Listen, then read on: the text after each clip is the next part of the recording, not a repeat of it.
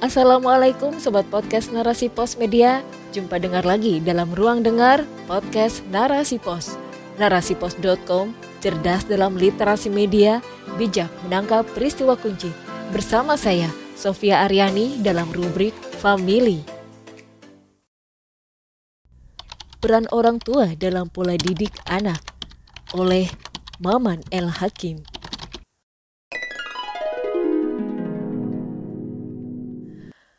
Rumah tangga adalah sekolah pertama bagi anak, dan orang tua adalah gurunya. Pendidikan anak merupakan upaya penting dalam membentuk generasi yang berdaya saing tinggi dan mampu menghadapi tantangan di masa depan.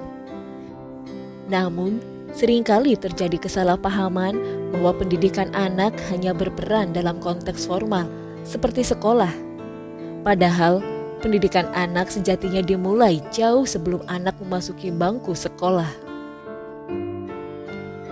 Rumah tangga atau keluarga memiliki peran utama sebagai lembaga pendidikan pertama dalam kehidupan anak. Melalui lingkungan keluarga yang mendukung, anak dapat membangun fondasi yang kuat untuk masa depannya. Pendidikan anak bermula dari keluarga dengan melibatkan berbagai aspek, mulai dari penanaman akidah, pendidikan moral, dan nilai-nilai atau value, keterampilan sosial atau skill, hingga pembentukan pola pikir yang positif atau mindset. Berikut ini adalah beberapa langkah penting yang dapat diambil oleh keluarga dalam memberikan pendidikan yang efektif kepada anak-anak. Pertama, keluarga atau rumah tangga harus menciptakan lingkungan yang aman, hangat, dan penuh kasih sayang bagi anak. Lingkungan yang positif dan harmonis akan memengaruhi perkembangan emosional dan sosial anak dengan baik. Kedua, nilai-nilai moral dan etika. Keluarga harus mengajarkan anak tentang nilai-nilai moral yang baik, seperti jujur, disiplin, tanggung jawab, dan empati. Menggunakan pendekatan yang baik dalam memperkenalkan nilai-nilai ini seperti memberikan contoh langsung atau melalui cerita, dapat membantu anak memahaminya dengan lebih baik.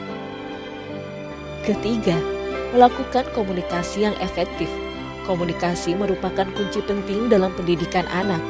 Keluarga harus membangun pola komunikasi yang terbuka, mendengarkan dengan penuh perhatian, dan memberikan respon yang positif terhadap anak. Hal ini akan membantu anak merasa diperhatikan dan dihargai serta meningkatkan kemampuan berkomunikasinya. Keempat, membiasakan budaya baca atau literasi. Membiasakan anak dengan buku dan membacakan cerita sejak dini sangat penting untuk mengembangkan minat baca dan memperluas pengetahuan anak. Keluarga dapat mengajak anak mengunjungi perpustakaan, menceritakan pengalaman pribadi, dan memperkenalkan dunia pengetahuan dengan cara yang menarik dan menyenangkan. Kelima, memberikan pembelajaran aktif, artinya memberikan kesempatan kepada anak untuk belajar secara aktif melalui bermain dan bereksplorasi adalah pendekatan yang efektif. Dalam kegiatan bermain, anak dapat mengembangkan kreativitas, keterampilan motorik, dan kemampuan berpikir logis secara alami. Keenam, membiasakan hidup disiplin terhadap perilaku keseharian, mengajarkan anak tentang batasan dan disiplin penting dalam membentuk kepribadian yang baik. Keluarga perlu menetapkan aturan yang jelas dan konsekuensi yang konsisten jika aturan tersebut dilanggar. Namun penting juga untuk memastikan bahwa batasan dan disiplin diterapkan dengan penuh kasih sayang dan kesadaran akan kebutuhan dan perkembangan anak. Ketujuh, berkolaborasi dengan sekolah. Pendidikan anak di keluarga tidak berdiri sendiri, melainkan saling berhubungan dengan pendidikan formal di sekolah. Keluarga perlu menjalin kerjasama dengan baik dengan sekolah, mengikuti perkembangan anak di sekolah, dan mendukung kegiatan sekolah yang positif. Melalui pendidikan anak yang dimulai dari keluarga, anak akan memiliki fondasi yang kuat untuk tumbuh dan berkembang mereka akan memiliki nilai-nilai yang baik, keterampilan sosial yang solid, dan motivasi belajar yang tinggi. Penting bagi keluarga untuk melibatkan diri secara aktif dalam proses pendidikan anak, memberikan dukungan, dan memberikan lingkungan yang positif. Dengan demikian, anak akan lebih siap menghadapi tantangan di masa depan dan memiliki potensi untuk mencapai kesuksesan dalam kehidupan. Pola pendidikan Islami Pendidikan dalam Islam memiliki peran yang sangat penting dan dianggap sebagai salah satu aspek utama dalam kehidupan seorang Muslim. Islam memberikan pedoman yang jelas tentang bagaimana mencapai pendidikan yang bermakna dan holistik, yang meliputi pendidikan akademik, moral, spiritual, dan sosial. Islam mendorong umatnya untuk mencari pengetahuan dan belajar sepanjang hayat. Pendidikan akademik dianggap penting untuk mengembangkan potensi intelektual individu dan memberikan manfaat bagi masyarakat. Islam mendorong umatnya untuk belajar dan mendalami berbagai disiplin ilmu, mulai dari ilmu pengetahuan alam, ilmu sosial, matematika, kedokteran, dan lain-lain. Pendidikan akademik dianggap sebagai ibadah jika dilakukan dengan niat yang baik dan tujuan yang benar. Selain itu, pendidikan moral harus sejak dini ditanamkan kepada anak Islam menekankan pentingnya pembentukan karakter yang baik dan etika yang tinggi. Pendidikan moral dalam Islam mencakup ajaran-ajaran etika, moralitas, dan nilai-nilai Islam yang berhubungan dengan interaksi sosial seperti kejujuran, keadilan, kesabaran, kerja keras, dan sikap rendah hati. Pendidikan moral dalam Islam bertujuan untuk membentuk individu yang bertanggung jawab, beretika, dan peduli terhadap lingkungan masyarakat. Islam juga mengajarkan nilai spiritual, bahkan menjadi hal yang sangat krusial karena akidah adalah keyakinan yang sifatnya pasti menyangkut hubungan individu dengan Allah Subhanahu wa taala. Pendidikan spiritual bertujuan untuk mengarahkan individu menuju kehidupan yang penuh berkah dengan kesadaran akan adanya Allah yang mengatur kehidupan, ketakwaan, dan peningkatan amal soleh berdasarkan dalil yang sahih. Hal penting lainnya, Islam mendorong kepedulian sosial dan partisipasi aktif dalam masyarakat. Pendidikan sosial dalam Islam meliputi nilai-nilai seperti kasih sayang, kepedulian terhadap sesama, memberikan bantuan kepada yang membutuhkan, membangun hubungan yang harmonis, dan berkontribusi positif dalam masyarakat. Pendidikan sosial dalam Islam bertujuan untuk menciptakan masyarakat yang adil, berempati, dan saling membantu. Dalam Islam, pendidikan dianggap sebagai bagian integral dari ibadah dan peradaban. Islam mendorong para orang tua, masyarakat, dan negara untuk memberikan perhatian dan upaya maksimal dalam mengembangkan sistem pendidikan yang baik yang melibatkan aspek-aspek akademik, moral, spiritual, dan sosial. Pendidikan dalam Islam bertujuan untuk menghasilkan generasi yang berpengetahuan luas, berakhlak mulia, bertakwa, dan berkontribusi positif dalam masyarakat. Tujuan pendidikan anak